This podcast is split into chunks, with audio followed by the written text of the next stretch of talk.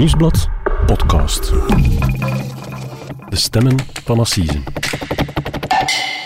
Hallo, mijn naam is Pieter Huibrechts, misdaadreporter bij het Nieuwsblad. En ik ben Cedric Lagast, journalist bij diezelfde krant. En dit is onze podcast Stemmen van Assise, waarbij we voor elk belangrijk proces in een zaak duiken en u meenemen achter de schermen van de rechtszaal. En vandaag hebben we het over de moord op Vera van Laar. Een kwart eeuw lang had het gerecht een hoofdverdachte op het oog. Drie agenten werden ervan verdacht betrokken te zijn. En toch komt er geen assisenproces.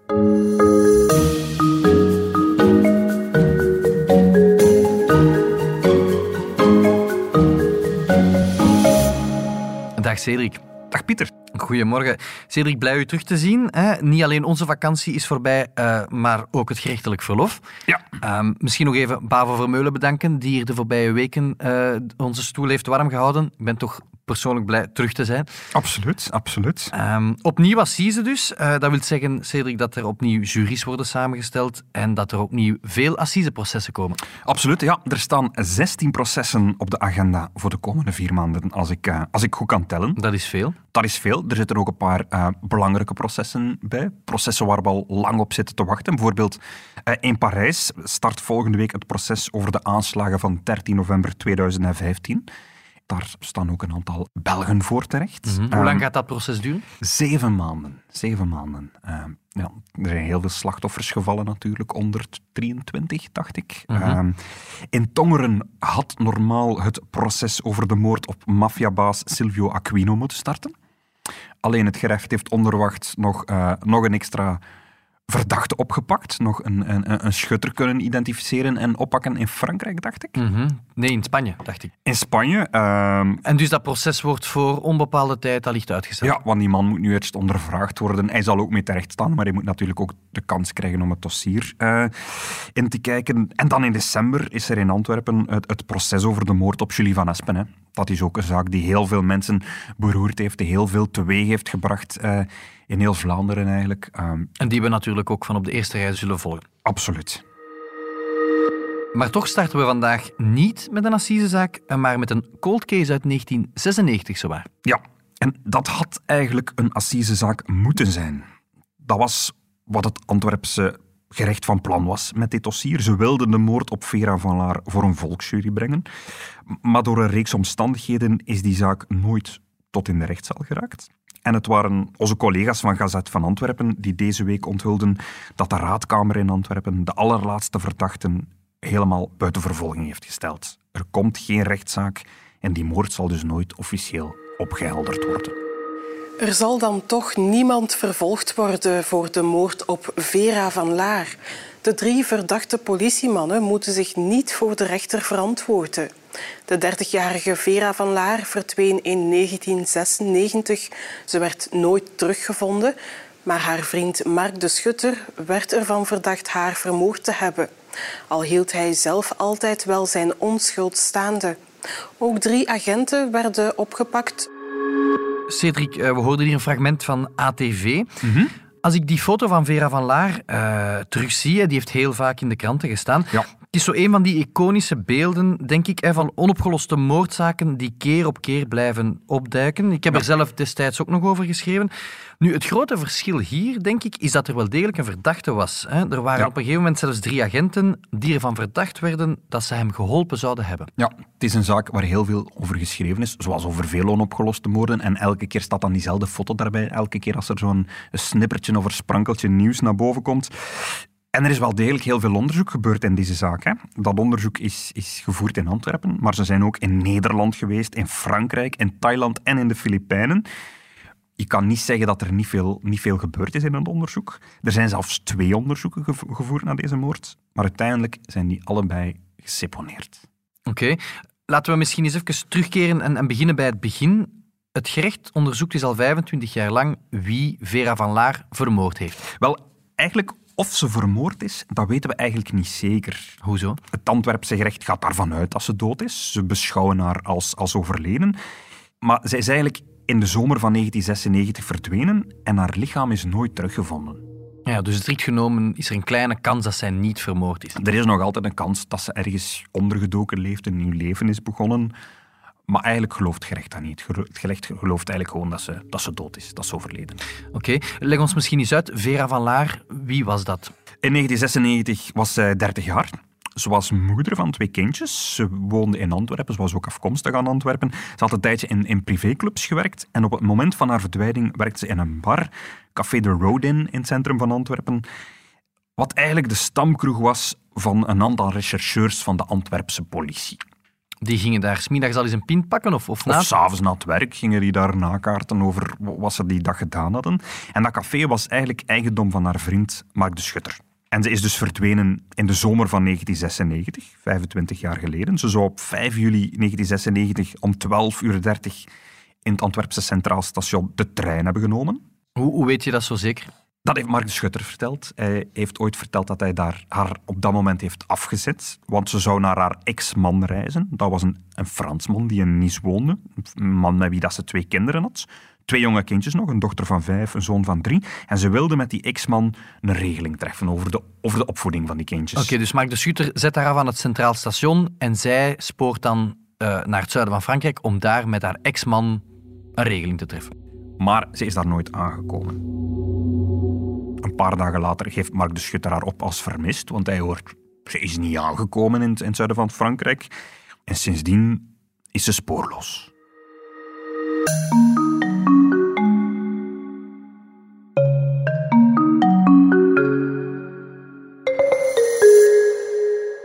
Cedric, we zitten dus in de zomer van 1996. Misschien even recapituleren. Dat is de zomer waarin er uh, gejaagd wordt op ene Marc Dutroux. Dat is de zomer waarin Sabine en Letitia verdwenen uh, ontvoerd worden en later teruggevonden, teruggevonden worden. worden. Ja, dat er dan eigenlijk in Antwerpen op dat moment een volwassen vrouw uh, verdwijnt die mogelijk in het buitenland zit lijkt niet zoiets als ja, meteen zeer alarmerend te zijn. Nee, nee. De, de, focus lag ergens anders op dat moment, denk ik. En eh, het onderzoek start ook pas eigenlijk echt in, in, in november 1998. Pas op, dan zijn we twee jaar verder.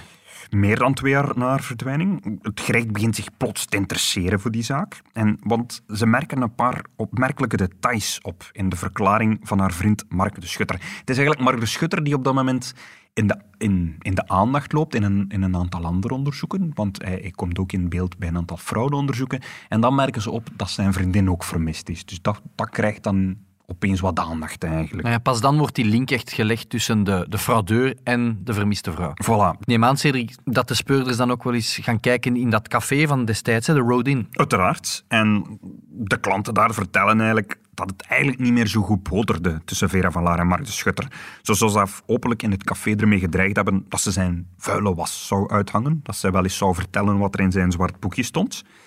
En hij was na die verdwijning eigenlijk ook alles over kop uit Antwerpen vertrokken. Hij was daar niet gebleven. Hij verhuisde naar Frankrijk, waar hij in, een jachthaven eigenlijk uh, zich ging optrekken.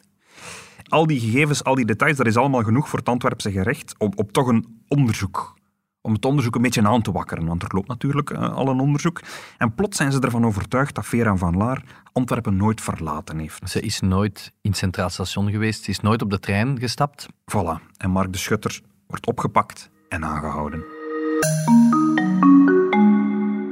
Cedric, die Mark de Schutter, um, dat is natuurlijk een naam die klinkt als een klok. Um, ik heb die ooit ontmoet. Aha. Uh, ja, uh, in 2016. Mm -hmm. um, dat was eigenlijk ongelooflijk. Uh, dat was een uitnodiging voor een boekvoorstelling. En okay. wij wisten natuurlijk, Mark de Schutter, dat is een berucht figuur. Hè, veroordelingen opgelopen en dergelijke voor fraude. En die nodigde de pers uit in een, uh, in een, een soort vijfsterren rusthuis. Het chicste rusthuis van Antwerpen. En we kwamen daartoe en daar zat hij volledig in het roos gehuld. Met een glas champagne. En daar vertelde hij uh, over zijn biografie. Hij had een boek geschreven, waaronder... Over zijn eigen leven dan? Over zijn eigen flamboyante levensstijl. Maar natuurlijk ook een passage over, over ja, Vera van Laar, zijn, zijn vriendin destijds. Um, ja, die Mark de Schutter. Als ik daar eigenlijk op terugdenk, dat, dat was niet zomaar een, een, een, een ja, zomaar, niet zomaar een figuur die je elke dag tegenkwam. Dat was echt een, nee. een, een extreem flamboyante ja, miljonair. Het was een miljonair, hè. En eigenlijk, het is niet iemand van rijke komaf, of ook niet iemand die uh, een of ander uit, uitzonderlijk goed industrieel project heeft uit, uitgevonden. Hij was eigenlijk een zeiler. Hij is zijn carrière begonnen als, als een zeiler. En in dat boek, waar jij het al over had, vertelt hij eigenlijk dat hij ooit eens als zeiler uh, koning Boudewijn heeft mogen rondvaren uh, op de Noordzee. Hij is uiteindelijk vertegenwoordiger geworden, ergens in de zeilwereld ook, ook van, van producten van, van stukken van zeilboter of zo. Maar hij wordt pas echt rijk, het komt pas echt van de grond als hij in Ekeren een frituuruitbater tegenkomt. Een zekere Maurits de Prins. Ook dat is lang geen onbekende. Nee, de Prins is de oprichter van Superclub. Het was 1987 en, en de prins wilde een keten van videotheken oprichten. Jonge luisteraars gaan dat misschien niet meer weten, maar vroeger, als je een film wilde zien, er bestond niet zoiets als Netflix. Dan moest je nou echt je jas en je schoenen aandoen en naar buiten op zoek naar een videotheek om daar een videocassette te huren. Die mocht je dan mee terug naar huis nemen om thuis te bekijken. Dat kwam uit eh, Amerika aangewaaid, neem ik aan. Ja, dat was iets dat in Amerika bestond. De prins had dat daar gezien en hij wilde dat in België ook oprichten. Klinkt als een, eh, een goede investering. Ja, hij zocht geldschieters en de schutter hapte toe. Zijn geld dat hij als, als, als vertegenwoordiger had verdiend, dat eh, investeerde hij in aandelen van Superclub. Mhm. De schutter lijkt mij wel zo'n soort durver die, die, die wel een keer risico's durft nemen. Voilà, en het, het werd ook een succes. Hè. Aanvankelijk was dat een succes. Superclub boomde. Alle grote banken en bedrijven die wilden investeren in Superclub. En Mark de Schutter die werd schatrijk door de verkoop van zijn aandelen. Hè.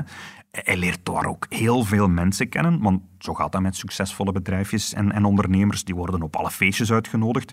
Hij was de rechterhand van de prins en hij leert BV's kennen, atleten, zakenmannen, maar ook mensen uit de gerechtelijke wereld en de politie. Mhm. Dat verhaal van Superclub dat loopt echter niet goed af. Nee. Midden jaren negentig eh, opent het gerecht een onderzoek, want Superclub dat blijkt een zeebel te zijn. De prins die had eigenlijk een carousel opgezet, waarbij dat hij met de nieuwe investeringen die toekomen, bij de verko- verkoop van nieuwe aandelen, hij vulde daar de gaten van zijn faillissement mee op. Maar Een soort bodemloze put vullen. een carousel eigenlijk. En het, op de duur, dat is met alle carousels, op, een, op de duur stokken die en komt het uit dat, eigenlijk, eh, dat, het, eh, ehm, dat het fraude is. Hè. En in 2001 wordt de, de prins ook tot vijf jaar cel veroordeeld wegens opleiding, oplichting met aandelen. En zijn rechterhand, zijnde de schutter, ehm, die wordt ook veroordeeld. Die komt er wel vanaf met een voorwaardelijke celstraf. Mhm. Maar dat is eigenlijk, als ik het goed begrijp, het moment waarop dat de schutter eigenlijk in het oog van de speurders komt, die eigenlijk ook aan het zoeken zijn naar Vera van Laar. Wel, midden jaren negentig loopt hij in het oog van het gerecht omwille van dat fraudeonderzoek. En daardoor beginnen die ook aan Vera van Laar te denken. Die zien dat er eigenlijk ook eh, een verdwijning openstaat op- van zijn vriendin. En die beginnen daardoor dat ook opnieuw te onderzoeken. En zijn hele netwerk in kaart te brengen, waar je net naar verwees. Ja, hij wordt opgepakt. Hij wordt ondervraagd over die verdwijning van Vera van Laar. Maar eigenlijk, dat dooft zo'n beetje uit. Want er is geen lichaam. Er is geen, geen lichaam van Vera van Laar. Er zijn ook eigenlijk niet zo heel veel harde bewijzen die aantonen dat hij iets te maken heeft met die verdwijning. En een verdachte die absoluut ontkent daar ook iets mee te maken te hebben. Voilà, en na drie maanden wordt Mark de Schutter in februari 1999 vrijgelaten uit de, uit de gevangenis. En in 2003 wordt hij zelf buiten vervolging gesteld in dat onderzoek.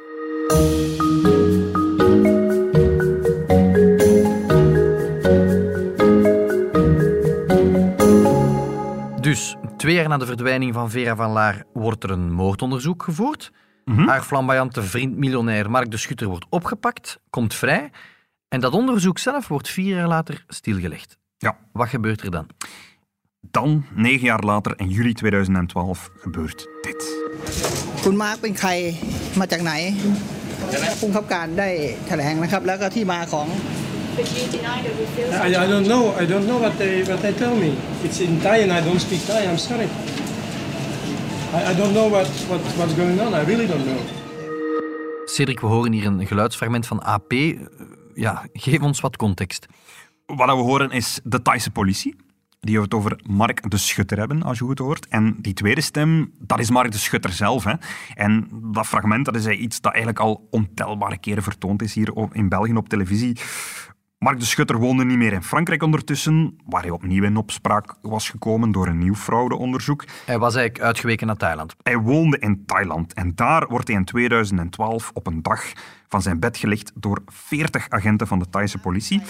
En die hem voor de camera's van de wereldpers slepen. Hij wordt daar geparadeerd als een gezochte maffiabaas. Ze zeggen, we hebben de meest gezochte Belg opgepakt. En we gaan hem uitleveren. Doet een beetje denken aan, aan, aan de arrestatie van Patrick Hamers in, eh, in Brazilië destijds. En wel, zo beschouwde, dat was het, het gewicht dat de Thaise politie daar ook aan gaf. Eh, de want, wat was er gebeurd? De Belgische politie had het onderzoek naar Vera van Laar opnieuw opgestart en ze waren opnieuw bij hem als hoofdverdachten uitgekomen.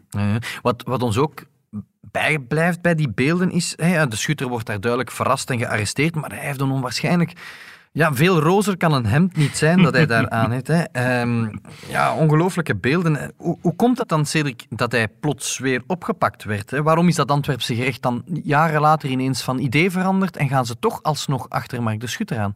Wel, Pieter, dat is allemaal de verdienste van één politieman. De Antwerpse speurder François Kind. Hij was twee jaar eerder opnieuw aan dat dossier gaan zitten als cold case. Hij wou dat graag nog eens um, herbekijken. En iedereen op het bureau wist daarvan? Wel, hij had eigenlijk vooral oog voor een, voor een paar vrienden van de schutter, die, die bijzonder goed bevriend met hem waren en die eigenlijk binnen politie en gerecht werkten. Want zoals al gezegd, uh, de schutter die had zijn contacten binnen, binnen politie en, en, en parket. Zo is er bijvoorbeeld een magistraat van het Antwerpse parket, die zeer goed bevriend met hem was. En die magistraat had een geheime minnares, namelijk rechter Rita B. En die twee kregen de sleutels van een villa van de schutter, die ze mochten gebruiken als, als liefdesnest. Wat natuurlijk onmiddellijk de aandacht trekt, want een mhm. magistraat en een rechter die bevriend zijn met een veroordeelde misdadiger, dat is niet alledaags. Maar bo, nu uiteindelijk nog die magistraat, nog die rechter hadden enige invloed op, op dat onderzoek van Van Laar gehad. Dus dat spoor loopt dood. Maar je, je, herinnert je nog de Road In, het, zijn café. Het waar, café waar, waar Vera van Laar achter de tap stond. Voilà, dat was het stamcafé van de Antwerpse lokale recherche. Wel, drie speurders die betrokken waren bij het onderzoek naar de verdwijning van Vera van Laar, dat blijken eigenlijk goede vrienden te zijn van de schutter. Oké, nu wordt het pas echt uh, smeug en interessant. Vertel. Je had twee speurders, Mark H. en Johnny O. bijvoorbeeld. Die gingen op vakantie naar die Franse jachthaven waar de schutter zat in Frankrijk. Ah ja, je vertelde daar straks dat hij uh, in een, een, een, haven uitbaatte daar ergens in het zuiden. Voilà. En de vrouw van Mark H. die werkte in het café van de schutter. Die werkte in de Road en die stond daar samen met Vera van Laar achter de tap. En er is nog een andere speurder die zelf tijdens de vakantiemaanden in de keuken staat van een van de restaurants van, van de schutter. Dus er is eigenlijk wel een beetje een verwevenheid. En die, een, een beetje een verwevenheid, een stevige verwevenheid. En die, die mannen worden natuurlijk daarover ondervraagd. En die zeggen eigenlijk, Mark de Schutter, dat was eigenlijk een informant van ons. Die had heel veel contacten, ook in het misdaadmilieu. En die vertelde ons heel veel van wat er zich afspeelde in Antwerpen. Hij was een van onze bronnen en ja, eigenlijk, ja, we zijn misschien wel wat daarmee te nauw bevriend geraakt. Mhm.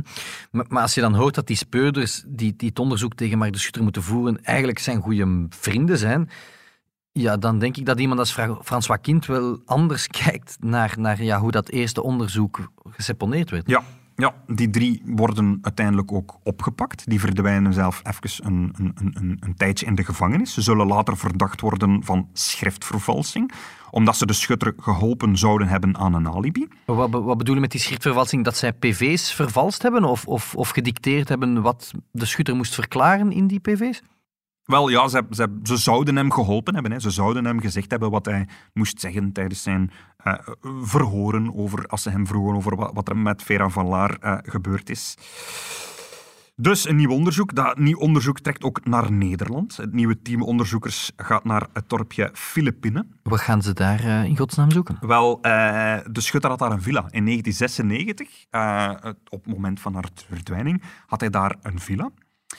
Daar woonde ondertussen in 2012 een andere prominente figuur in die woonboerderij, namelijk burgemeester Jan Lonink van Terneuzen. Het betreft een uh, Belgisch onderzoek uh, naar de verdwijning van Vera van Laar. Zij is het laatst gezien in juli 96. Uh, eh, en wij hebben aanwijzingen dat haar lichaam hier zou begraven kunnen liggen. uiteraard is dat niet evident dat er gevraagd wordt aan ja, toevallig nu de burgemeester van Terneuzen om hier in de woning zoekingen te kunnen doen. maar we zijn de burgemeester uiteraard dankbaar dat we dat hier kunnen en mogen doen. Maar uiteraard moet ik voor alle duidelijkheid er wel bij vermelden dat de burgemeester volledig losstaat van deze deze zaak. Hij heeft daar niks mee te maken, hij heeft alleen de pech dat hij hier nu toevallig in deze woning woont. Dat betekent dat er zo'n vier, vijf dagen eh, ja, zo'n 15 à 20 mensen van de Belgische recherche en dergelijke buiten rondlopen. Niet in het huis overigens. Ze hebben een vermoeden uh, dat er een plek zou kunnen zijn waar op de, de dag van de verdwijning uh, ook uh, asfalt gestort is in een soort bijgebouwtje, schuur. Je wordt er op meteen uh, echt met de neus op je feiten gedrukt dat je mogelijk in een uh, huis woont waar een, uh, waar een misdaad is begaan en waar mogelijk nog de achterblijfselen aanwezig zijn. Nou, dat, dat is natuurlijk uh, uh, geen prettige gedachte. Dat zal niemand prettig vinden.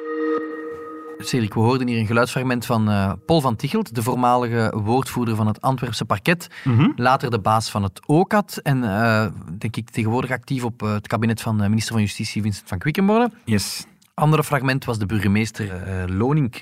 Heeft dat eigenlijk iets opgeleverd, dat openbreken van die vloer? Nee, ze hebben hard gezocht in, in, in, het dorpje Filipin, maar ehm, als ze de vloer openbreken, ligt daar niet het lichaam van Vera Valaar het onderzoek zal opnieuw een beetje uitoven eigenlijk.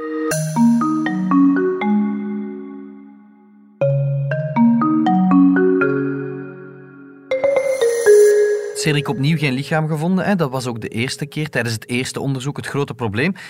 Ik herinner me dat de schutter na die graafwerken in, in Filipijnen uh, ja, in de gevangenis is beland, maar na zes maanden voorrechten opnieuw wordt vrijgelaten. Mm -hmm. En dan was het eigenlijk weer terug naar af. Ja, maar het grote verschil was, deze keer was het Antwerpse parket wel van plan om de schutter voor een assisejury te brengen. Dat heeft het parket in februari 2015, twee jaar na zijn vrijlating ondertussen, ook wel met zoveel woorden gezegd. Ze wilden hem in 2016 voor assise brengen. Zonder bekentenis, zonder lichaam. Ja, we luisteren naar zijn advocaat Tim Smets, die in 2015 bij ATV daar het volgende over te zeggen had. De schutter blijft hoofdverdachte nummer 1. Sinds januari 2013 is hij vrij onder voorwaarden. Volgend jaar mag hij zich waarschijnlijk verwachten aan een assisezaak. Volgens zijn advocaat is hij opgelucht. Omdat het voor hem ook het einde van de rit betekent. Die man eh, leeft al twintig jaar met die zaak. Voor hem is dit ook een nachtmerrie. Hij hoopt ook dat dit ten einde komt door een proces en door een rechtbank die uiteindelijk zal vaststellen dat hij inderdaad dient vrijgesproken te worden voor deze zaak. Als een onderzoek na twintig jaar nog niet heeft kunnen aantonen dat iemand schuldig is, dan moet men misschien de verantwoordelijkheid nemen om die zaak inderdaad niet door te verwijzen en om de zaak gewoon te laten wat het is en niet iemand te gaan vervolgen om uiteindelijk toch voor het Hof van Assise maar iemand naar voren te brengen om deze verdwijning, verdwijning op een of andere manier toch trachten op te lossen. Is seponeren dan een beter idee? Dat is al gebeurd in deze zaak. Dus we horen hier, Tim Smet, bekend, uh, bekend strafpleiter in Antwerpen, mm -hmm. die zegt dat, dat zijn cliënt, de schutter, eigenlijk opgelucht was op dat ogenblik. Hè, dat hij zijn onschuld wilde verdedigen voor een rechtbank. Maar eigenlijk toch ook dat hij niet staat te springen voor zo'n strafproces. En, en eigenlijk, als hij mag kiezen, uiteraard liever wil dat de zaak geseponeerd wordt. Ja, dat klopt. Want de schutter houdt vol dat hij er niks mee te maken heeft. Hè. Dat was ook wat er in zijn boek stond, denk ik. Dat jij, dat jij ja, dat, bre dat, brengt ons terug bij die boekvoorstelling waar ik dan destijds uh, naar, naartoe geweest was. Hij was toen heel op het laconieke af zelfs, hè, van ja, dat meisje dat daartoe verdwenen is, ik heb daar niks mee te maken, het staat in mijn boek, ik heb hier allerlei pv's in mijn boek die, die eigenlijk zullen aantonen en bewijzen dat ik er niks mee te maken heb. En, en, ja, het beeld dat ik toen kreeg, dat was iemand die zei van ja, come and get me, ik lees mijn boek en laat me voor de rest gerust. We kunnen het hem zelf ook laten zeggen, want er is een, een geluidsopname van. Nu is het twintig jaar geleden dat dat meisje verdwenen is. Wat gaat er gebeuren? Het dossier is niet afgesloten. Er moeten nog onderzoeksdaden gebeuren. Er moet nog een, uh, dan moet het naar de raadkamer. En dan kan het eventueel naar een proces gaan. Het is gewoon niet terecht, want het heeft wel een impact op mijn leven. Heb jij een idee wat er met uh, Vera van Laar gebeurd is? Nee, dat zou ik natuurlijk ook graag weten. Hè? Voor mij is dat, hè, ik, heb dat, ik heb dat al. Ik hoop als hier service komt binnengewandeld, want dan is het probleem opgelost. Waar is het dan eigenlijk fout gelopen? Want we zitten met een verdachte die in verdenking is gesteld. We zitten met een gerecht dat er een assiseproces van wil maken. Waarom is dat assiseproces er nooit gekomen? Ik denk dat het gerecht gewoon te lang getalmd heeft, Pieter. Ze hebben hem in 2012 opgepakt. Ze hebben duidelijk gemaakt dat ze er een assisezaak voor, wilden, voor van wilden maken. Maar dat is uiteindelijk niet gebeurd. En in, mei 2017 is Mark de Schutter onverwacht op 62-jarige leeftijd overleden. In het buitenland? Op de Filipijnen, ja, want hij, hij, was verdacht van moord, maar hij mocht wel naar het buitenland. Op voorwaarde dat hij dat, dat, hij dat vertelde aan het gerecht. Dus, dus hij had de toestemming om naar de Filipijnen op reis te gaan? Voilà, en in, in mei 2017 laat hij dat via zijn advocaat weten. Ik, ik ga even naar de Filipijnen. En twee weken later komt er vanuit de Filipijnen een boodschap dat Mark de Schutter daar overleden is. Aan een hartaanval. Het, het, dat was zo onverwacht dat de vader van Vera van Laar dat zelf niet wilde geloven. Hij dacht dat de schutter zijn eigen dood geïnsceneerd had. Mhm. Klinkt, ook, klinkt ook niet onwaarschijnlijk gek dat hij zijn dood zou insceneren om aan een strafproces te ontsnappen. Nee, en hij wordt uiteindelijk daar begraven op de Filipijnen, maar de, het Filipijnse gerecht stuurt uiteindelijk wel nog een stuk bot op naar Antwerpen. Een, een been van Mark de Schutter. Daar gebeurt DNA-onderzoek op en dat blijkt effectief het, het, het bot van Mark de Schutter. Oké, dat moet dus als bewijs dienen voor iedereen in België van kijk, effectief Mark de Schutter is daar gestorven, het is zijn lichaam en niemand anders. Ja, maar toch zijn er nu nog altijd mensen die daar een beetje aan twijfelen, die nog altijd niet helemaal zeker zijn of, of Mark de Schutter zijn dood niet zelf geanceneerd heeft. We luisteren bijvoorbeeld naar Frans Watkins, de speurder die het tweede onderzoek in gang heeft gezet. Hij heeft dit afgelopen zomer verteld aan onze collega's van de Gazet van Antwerpen. Hier kan ik vrijheid over praten, want het is mijn eigen mening. Dus ik weet niks over dat been. Dat heb ik in de kranten gelezen. Ik was toen al met pensioen. Dus hier kan ik geen schending over plegen. Wat ik wel nog weet, als ik hem ben gaan verhoren in Thailand.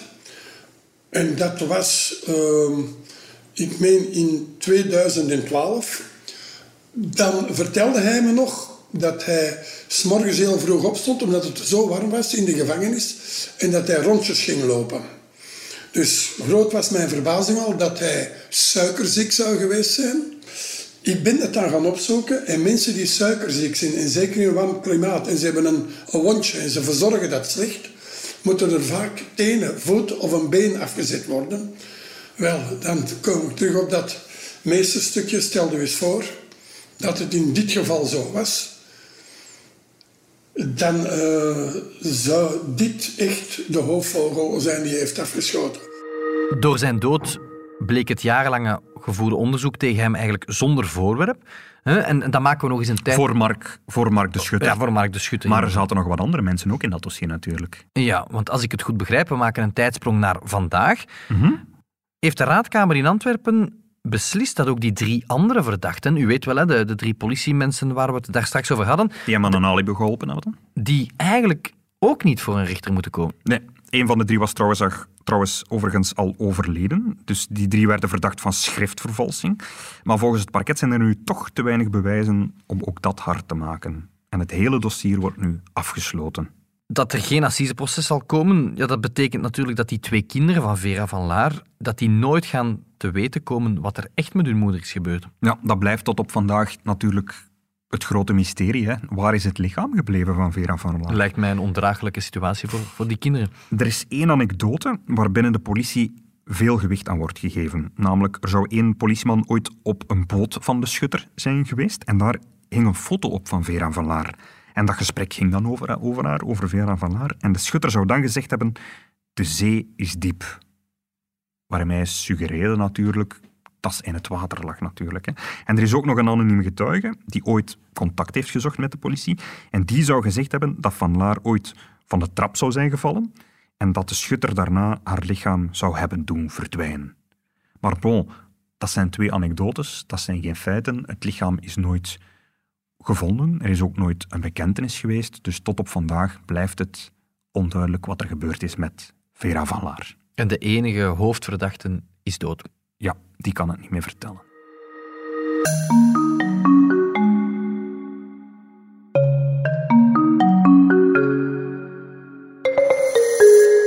Dat brengt ons aan het einde van, van de eerste aflevering van het nieuwe seizoen van Stemmen van Assise. Cedric, wat staat er eh, volgende week op de planning? Wel, volgende week hebben we het opnieuw over een moord zonder lichaam. Meer nog, het gerecht weet deze keer zelfs niet wat de naam is van het slachtoffer. Maar toch is het gerecht vastbesloten om een assiseproces te voeren over een moord die gepleegd werd in Syrië. Dat klinkt als een heel vreemd, opvallend verhaal. Absoluut. Dit was Stemmen van Assisen, een podcast van het Nieuwsblad. De stemmen waren deze week Pieter Huibrechts en ikzelf, Cedric Lagast. Onze dank gaat uit naar ATV en AP voor het gebruik van enkele audiofragmenten.